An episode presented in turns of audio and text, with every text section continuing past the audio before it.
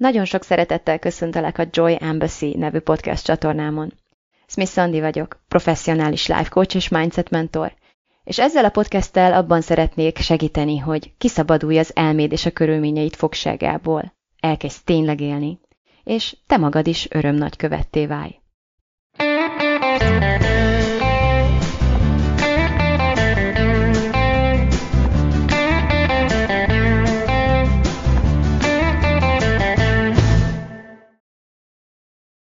Szerintem lássuk be, hogy mindent azért csinálunk, mert szeretnénk jól érezni magunkat. Vagy legalábbis jobban, mint ahogyan érezzük magunkat ebben a pillanatban. Ezért megyünk nyaralni, ezért veszünk színházjegyeket, ezért akarunk találkozni a barátainkkal, ezért akarunk nasizni, ezért akarunk felugrani a Facebookra, mindent, mindent, de mindent azért csinálunk, mert szeretnénk jobban érezni magunkat. Na most, amikor ez nem sikerül, akkor nekem az a tapasztalatom, hogy nagyon hajlamosak vagyunk a külvilágot okolni ezért. Nagyon hajlamosak vagyunk valamilyen körülményt okolni, hibáztatni, amiatt, hogy miért nem sikerül annyira jól éreznünk magunkat, mint amennyire terveztük, vagy mint amennyire szeretnénk. Én sem vagyok különb egy csöppet sem ennél. Nagyon-nagyon konkrétan emlékszem egész fél éves, tehát több hónapig elhúzódó megéléseimről, amikor tulajdonképpen kitartóan ugyanezt csináltam. Például a három hónapos új-zélandi kiruccanásom apukám halála után, amikor 25 éves voltam, ha jól emlékszem, ez konkrétan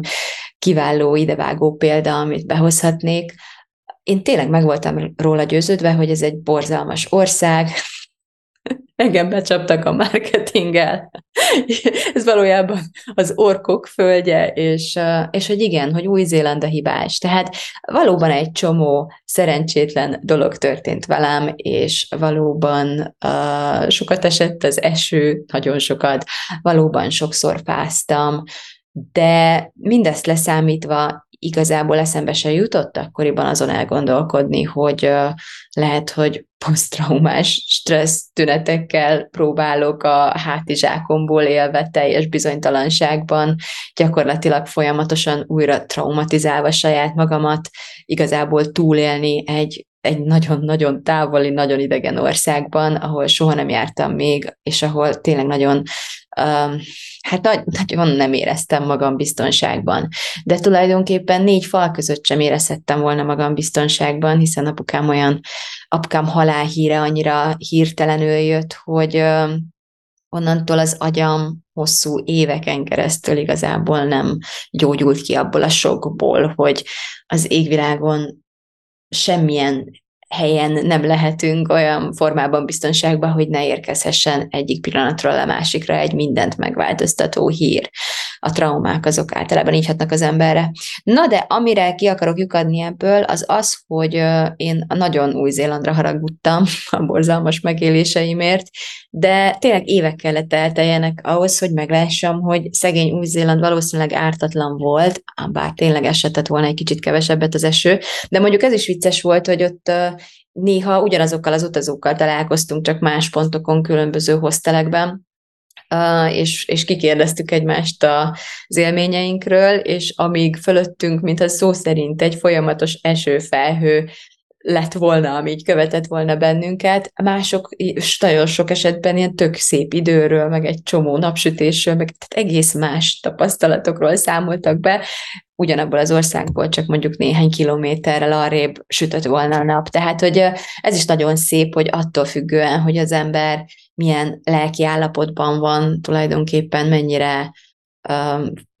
halmozottan elkezdi ugyanazt kapni. Nem, ezt próbálom kerülni ezt a szót, hogy bevonzani, nem, nem nagyon szeretem ezt az egész uh, megközelítést, hogy így bevonzunk dolgokat. Szerintem nem uh, egészen, vagy nem konkrétan így történik ez. Uh, ezzel együtt való igaz, hogy van nem kevés összefüggés a lelki állapotunk és a külvilág felénk tanúsított reakciói, vagy a velünk történő események között a lényeg, amire szeretnék kiukadni, az az, hogy nem Új-Zéland volt a hibás nagy valószínűséggel, nem Új-Zéland egy szarország, mint ahogy nem is szegény Dublin egy szarváros, meg nem tudom, sorolhatnám még a helyszíneket, ahol azt, ahová azért mentem, hogy majd én ott nagyon jól fogom érezni magam, és aztán um, pofátlanul olyan körülmények teremtődtek, amelyek ellehetetlenítették számomra azt, hogy, hogy valóban kikapcsolódhassak, vagy jól érezhessem magam. De igazából nagyon-nagyon általánosnak tartom azt, hogy előzetes tapasztalatainkból döntjük azt el, hogy például, hogy milyen lesz elmenni valahová.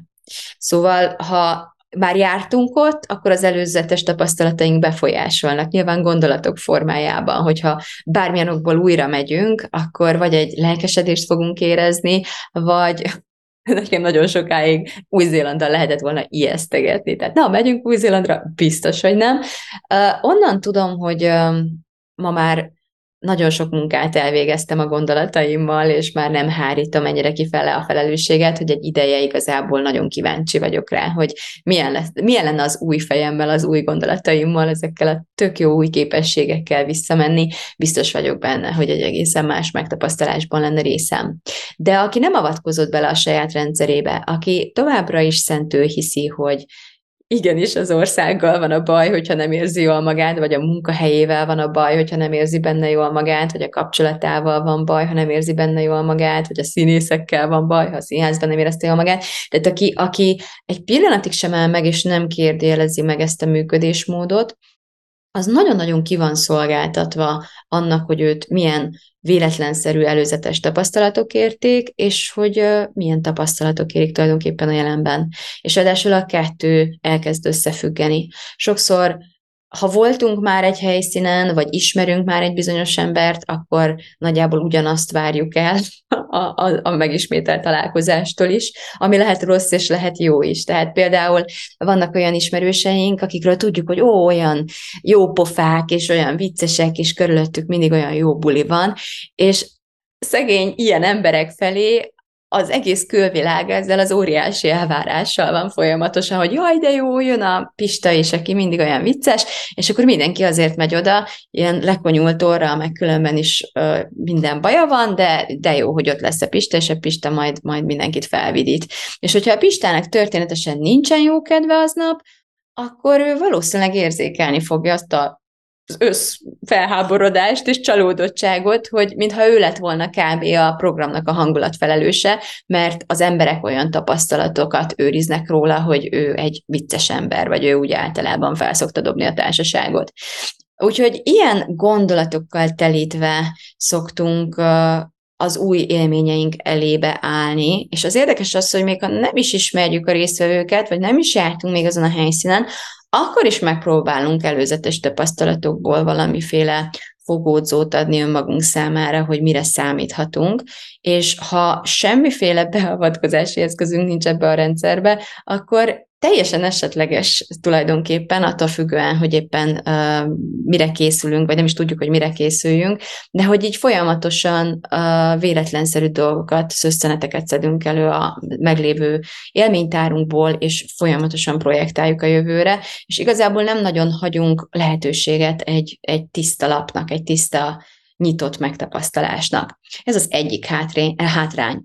A másik pedig az, hogy valójában rengeteg hatalomról lemondunk, ami a miénk lenne, azt meghatározandó, hogy mi hogyan akarjuk érezni magunkat.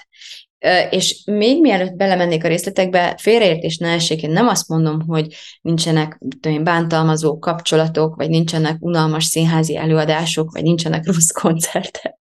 vagy, vagy, vagy akármicsoda, ami, ami miatt uh, okát látjuk annak, hogy nem, hogy tartatatlan számunkra egy állapot, egy helyzet, vagy egyszerűen képtelenség számunkra az adott körülmények között, hogy jól érezzük magunkat. Nem azt mondom, hogy egy ilyen helyzet nem állhat elő, mint ahogy azt sem mondom, hogy uh, hogy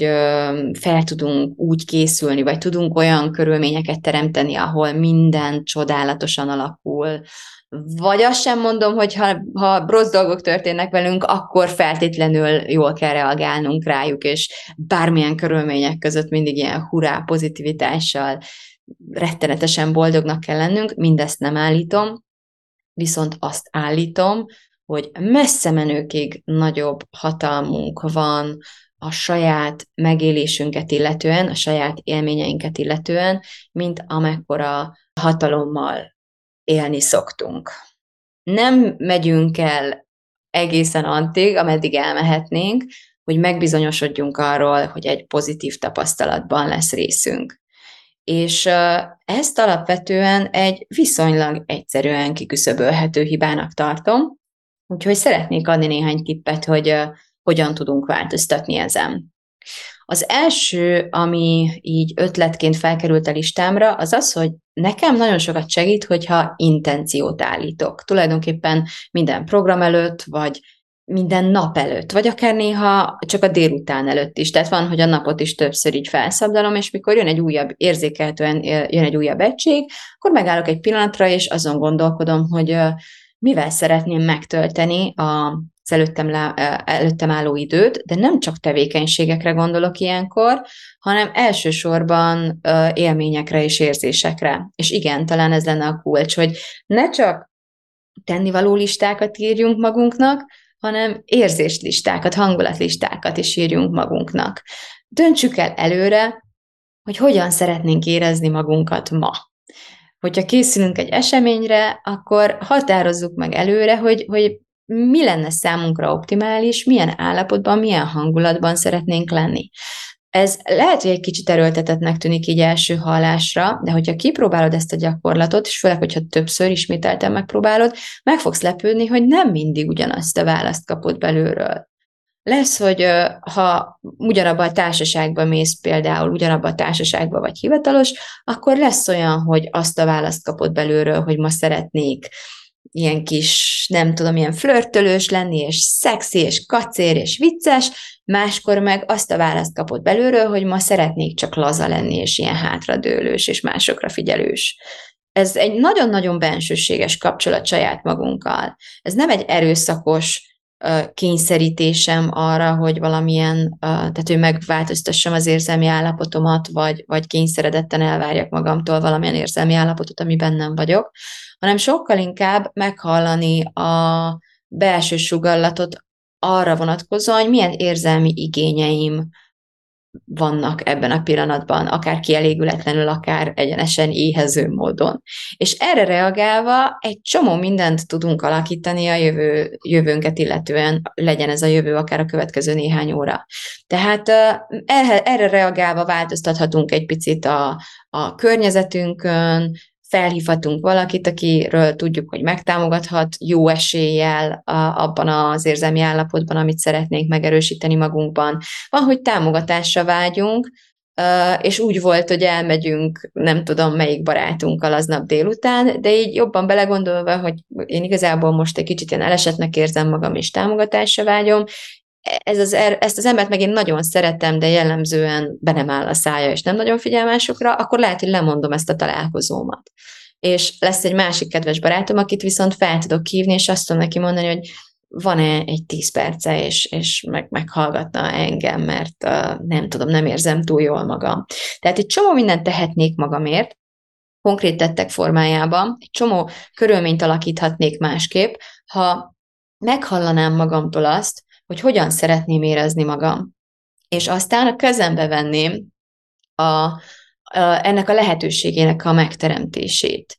Nem a külvilágra bíznám, ú, de szarul vagyok, nem tudom, miért vagyok szarul, nem tudom, mi hiányzik, de azért kimegyek a világba, és remélem, hogy majd a világ megadja nekem, ami nekem hiányzik, és aztán meg nagyon csalódott leszek, ha nem adja meg, te, és, és úgy jövök haza, hogy még rosszabbul érzem magam, és haragszom az egész világra, és mindenkit utálok. Ez a, az átlag megélésünk, azt hiszem észre, hogy ez az alapműködésünk, és ehelyett én egy olyan működésmódot javasolok, ahol még mielőtt kimennék a világba, becsekkolok, megkérdezem magamtól, hogy miben, mi, miben érzek hiányt, vagy mi az, ami, aminek szükségét, milyen szükségleteim vannak, milyen igényeim, milyen érzelmi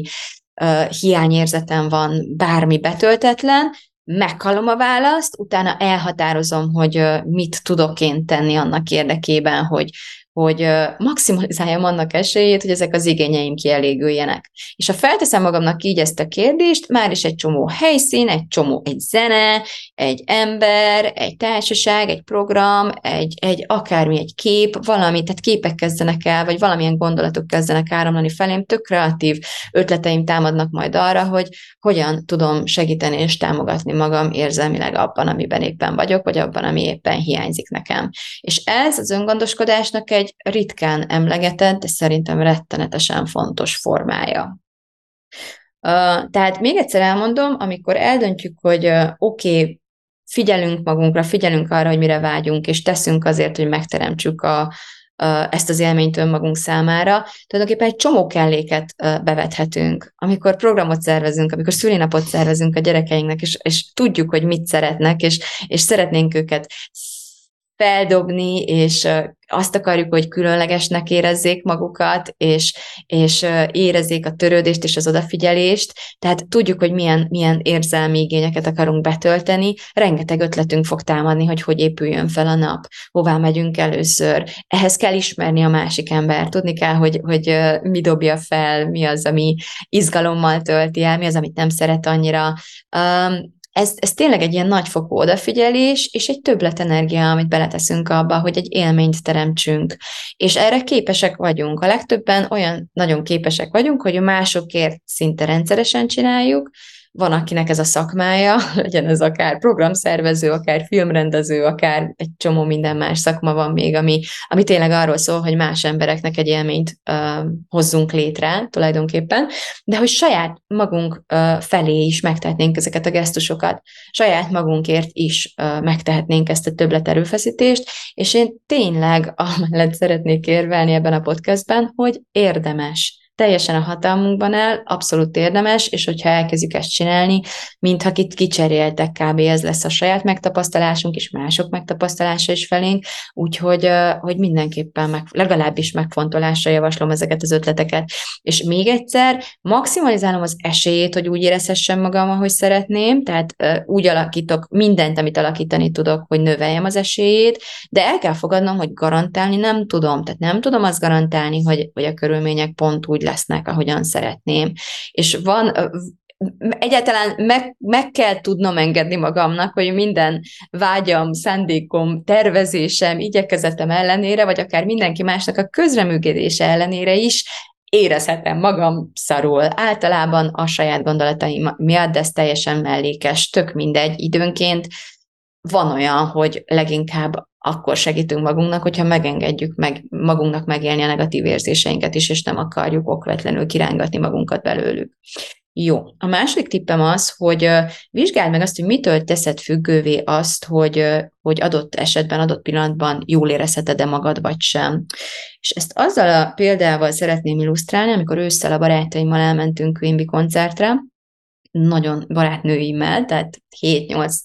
csaj, nagyon, nagyon régóta is megyük egymást, az unokatesom is ott volt, nagyon-nagyon szeretjük egymást, és a legtöbben nagyon rég nem találkoztunk, tehát ilyen egyetemi uh, szobatársnőimről van szó, uh, tényleg az egyik őjük Kolozsváról utazott el Budapestre erre a koncertre ősszel, tehát tényleg egy csomó erőfeszítést, tehát tényleg nagyon vártuk, nagyon örültünk ennek a találkozásnak, és uh, igazából pusztán azzal, hogy megvettük a jegyet, hogy leszerveztük, hogy együtt megyünk, egy csomót tettünk azért, hogy, hogy biztosítsuk magunkat a felől, hogy lesz egy nagyon jó élményünk. És hát biztunk benne, hogy a Queen Bee srácok is segíteni fogják ezt. Igazából, ami engem illet egyáltalán nem kellett csalódnom, tök jó lett volna, vagy volt ez a koncert szerintem. Viszont a tömegben pont ott, ahol mi voltunk, nagyon-nagyon sokan voltak, tehát ilyen nagyon herring feeling volt, volt egy tök agresszív fickó, arcra is nagyon agresszív volt, tényleg egy ilyen ijesztő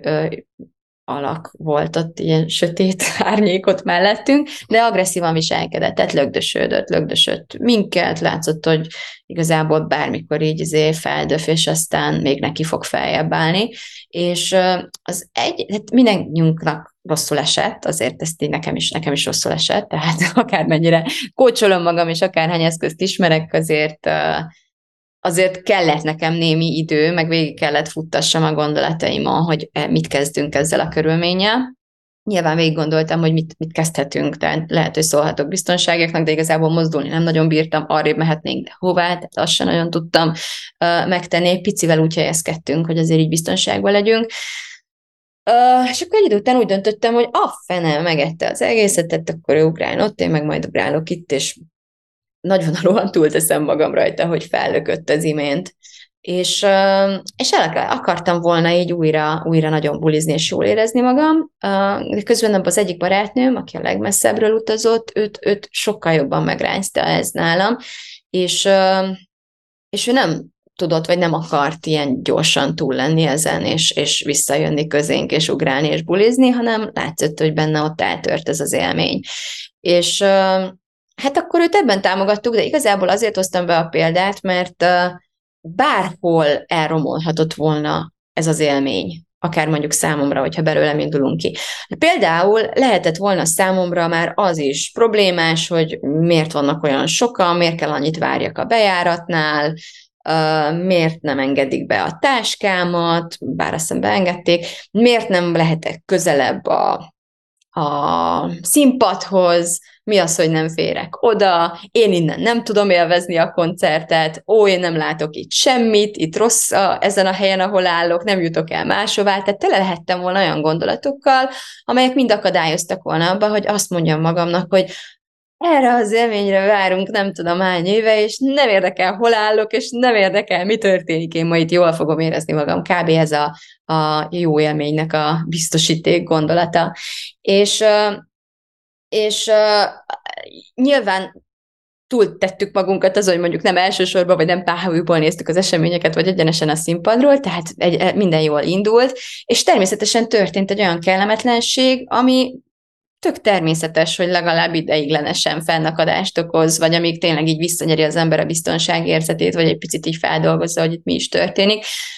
benne van a pakliba, hogy ez kizökkentő legyen. De hogy én például a gondolataimmal nagyon hamar eljutottam arra, és nagyon hamar átfordítottam, mert tudom, hogy hogyan kell, hogy én nem fogom megengedni ennek az alaknak, hogy tönkre tegye számomra ezt a fantasztikus élményt. Maga az, hogy ebben a pillanatban felismerjük azt, hogy hozhatunk egy ilyen döntést, hatalmunkban áll egy ilyen döntést hozni, és a rajtunk múlik, hogy megengedjük-e neki, hogy elvegye az élményt, vagy nem. Ha én odaadom neki, akkor elveszi, de megtehetem, hogy nem adom oda neki azáltal, hogy azt mondom, hogy nem fogom hagyni, hogy ettől elromoljon a kedvem. És kb. ennyi utána nagyon hamar vissza lehet, tehát a figyelmünket vissza lehet hozni abba az élménybe, amiben éppen voltunk, és aztán újra, újra lehetne élvezni az egészet. Amiből nehezebben fordítottam ki magam, az az, hogy, hogy elkezdtem nagyon együtt érezni a barátnőmmel, és nagyon-nagyon szomor, elszomorította az egy időre, az a gondolat, hogy, hogy megtört az, hogy mindannyian együtt jól érezzük magunkat. Tehát azon a körülményen gyorsan túltettem magam, hogy uh, van itt egy agresszív figura mellettem, aki mellé jobb lenne nem odaugrálni, és különben is milyen bunkó már, hogy itt nőket lögdös gyakorlatilag, de azon a körülményen, hogy egy ember, akit én szeretek mellettem,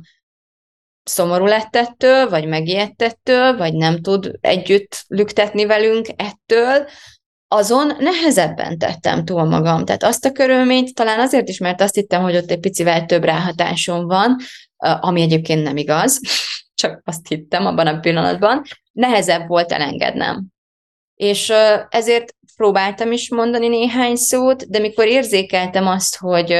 bármiért is ő nem akar most visszajönni ebbe a, eresszük el a, eldobjuk a, hogy van ez, erezd el a hajamat, igen, nem akart visszajönni ebbe az élménybe, hanem, hanem éppen fel akarta dolgozni, vagy neki több idő kellett, hogy feldolgozza azt, ami történt, akkor igazából nekem van ebben annyi tapasztalatom, hogy rájöjjek arra, hogy jó, akkor oké, okay, akkor neki most ezt kell megélnie. És, ezt, és utána vissza tudtam jönni. Viszont azt akartam megmutatni ezzel, hogy hány gondolatunk lehet, ami az örömérzetünk útjában áll. Az, hogy engem itt, itt konkrétan agresszióért, az egy gondolat, az egy körülmény, az egy, az egy dolog, amin túl kell lendülni, de az, hogy, hogy én csak azt szeretném, hogy itt mindenki legyen boldog, az egy olyan ártatlan, sőt, ilyen nagyon filantrop gondolatnak tűnik, egy ilyen nagyon jó, jóságos gondolatnak tűnik, amit tök nehéz elengedni. Én igen, én az az ember akarok lenni, akik körül mindenki mosolyogjon, és mindenki legyen boldog, de hát nem irreális elvárás, ez basszus. És mennyire gyakori, tehát mennyire gyakori az, hogy emberek, anyukák tényleg attól teszik függővé, hogy, hogy jól érezhetik-e magukat, vagy nem, hogy a gyermekeik boldogok-e. És ezzel nagyon nagy terhet teszünk arra a másik emberre, akinek valahogyan kell éreznie magát, ahogy ő abban a pillanatban akármilyen okból is nem tudja, vagy nem akarja, ahhoz, hogy én jobban legyek. Szóval ez egy nagyon-nagyon érdekes kérdés, szeretném felajánlani nektek, hogy mindig gondolkodjatok el azon, hogy éppen abban a pillanatban mitől teszitek azt függővé, hogy jól érezhetitek-e magatokat, vagy sem. A harmadik dolog az az, hogy mennyire tudsz önazonos lenni. Mennyire érzed azt, hogy önmagad lehetsz egy bizonyos helyzetben, és hogy mennyire uh, engeded azt meg, hogy mások döntsék ezt el helyetted. Ebben egy nagyon-nagyon érdekes példám az, hogy most uh, meg vagyok hívva a, a sógornőmnek a leánybúcsújára, aki egy nagyon-nagyon más karakter, mint én, ő egy angol nő, az egész környezete számomra egy annyira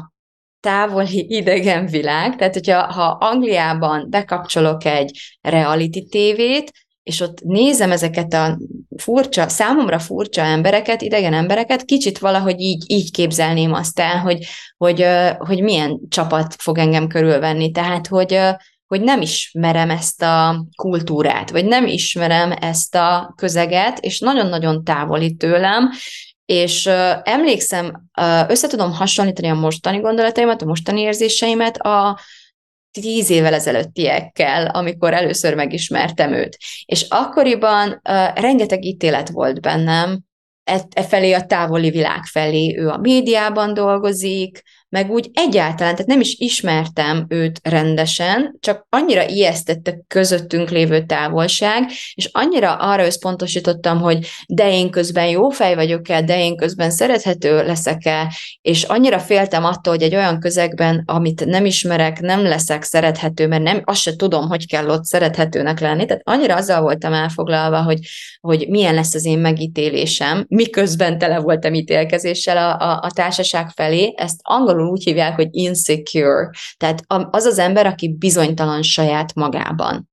És mivel saját magában bizonytalan, uh, igazából kivetíti a saját maga bizonytalanságát a külvilágra, és nagyon ítélkezővé válik, és uh, ezer okot fog felhozni, hogy ő miért kell szorongjon abban a közösségben, abban a társaságban, hogy őt majd biztos hogy nem fogják szeretni, hogy őt majd biztos megítélik, elítélik, de közben ő ítéli el a többi embert. Tehát ez egy nagyon érdekes és nagyon paradox helyzet, amit én ismételten mondhatom, hogy belülről ismerek, és a legdöbbenetesebb számomra, és a fejlődésemnek számomra a legékesebb bizonyítéka az, hogy mennyire pozitív érzésekkel várom ezt a leánybúcsút Essexben, um, ahol még nem jártam. Egyáltalán egy csapat olyan emberrel, nagyon sok olyan emberrel, olyan nővel, aki, akiket egyáltalán nem ismerek, akikről tudom azt, hogy, hogy hogy sok dologban különbözünk egymástól, viszont a gondolataim tele vannak már azzal, hogy bizonyára nagyon sok közös dolog is van bennünk, ráadásul mindannyian szeretjük a sógornőmet, és mindazért vagyunk ott, hogy őt ünnepeljük,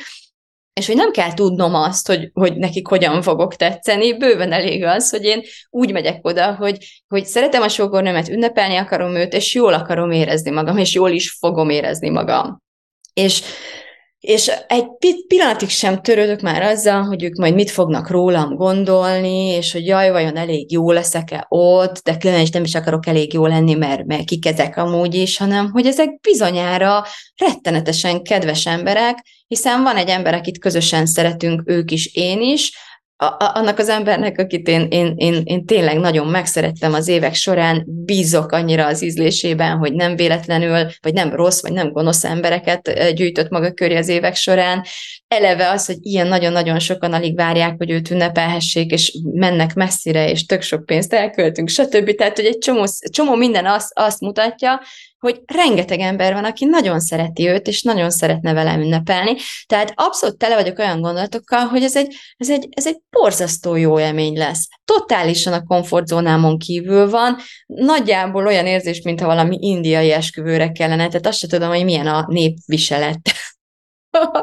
az angol kultúrában ez a super glam, meg olyan szavakat használtak, amiket tényleg a férjem kellett nekem lefordítson. Például az egyik dress code az volt, hogy rím kell legyen, és kiderült, hogy az az extreme valószínűleg. Csak az a baj, hogy beírtam közben Google-be, és általában van ilyen rém is, tehát most így nem tudom pontosan, hogy melyik, de azt hiszem, hogy rá fogok kérdezni. Tehát korábban biztos, hogy ezektől mindig nagyon megszeppentem volna, most meg azonnal megkérdezem az testvért, meg a főszervezőt. Hallod, én nem értem ezt a szót. Küldje, sőt, ha elmagyarázod, akkor se értem. Légy szíves, küldje nekem három ruhát, akkor nagyjából be fogom tudni lőni. És nagyjából ezt csináltam egyébként Amerikába is, hogy azt se tudtam, hogy a, mit kell, tehát hogy kell a, a fizetni az étteremben nem tudtam, hogy alá kell írnom a nevemet, és akkor ezt így mondtam, hogy te, én nem tudom, hogy itt hogy kell, legyél a, a, az idegen kócsom, megkértem a többieket, hogy engem tanítsatok meg, hogy kell Amerikába fizetni az étterembe. És ez, ez egy nagyon szerethető dolog, azt vettem észre, a, az emberek ezt nagyon-nagyon pozitívan fogadják, hogy önazonosan felvállalva azt, hogy te mit tudsz, mit nem tudsz, ki vagy, ki nem vagy,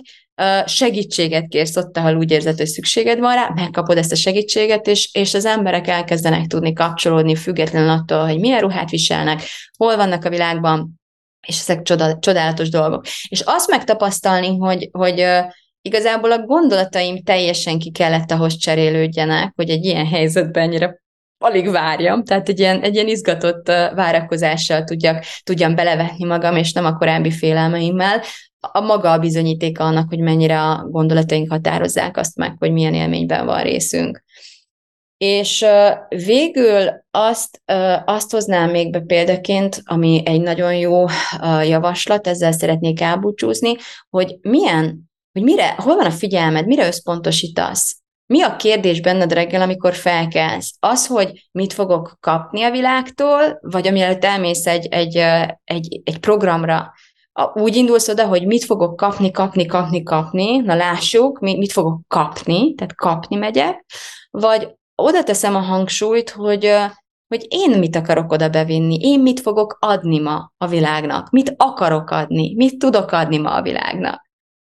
És minél inkább azt teszem észre, hogy minél inkább visszahozom a figyelmemet a fölé, hogy én milyen szolgálatban akarok lenni, én milyen hangulatban akarok lenni, én milyen energiát akarok bevinni abba a térbe. Konkrétan felelősséget vállalok azért az energiáért, amit magammal beviszek egy térbe. Az alapműködés az, hogy olyan szarul vagyok, de majd de elmegyek, és akkor hát, ha majd engem ott feldobnak, vagy valaki majd engem ki, ki, ki, ki, kiszed ebből a, a szarból, amiből vagyok. Ezzel szemben azt gondolom, hogy felelősséggel tartozom azért is, hogy, hogy hogyan lépek be egy térbe, milyen energiát viszek magammal, én mit képviselek, én mit tudok adni, és mit akarok adni, és hogyha erre összpontosítok sokkal inkább, mint, mint, mint arra, hogy mit akarok kapni, akkor megint csak garantálom nektek, hogy egy egészen másfajta megtapasztalásban lesz részletek, és, és a külvilág visszajelzése is összehasonlíthatatlanul más lesz, mint ha, a, ha mindig csak kapni akarunk, és mindig a külvilágtól várjuk, hogy jobban érezzük magunkat. No, erre a hétre ennyi, nagyon szépen köszönöm a figyelmet, hello, puszi!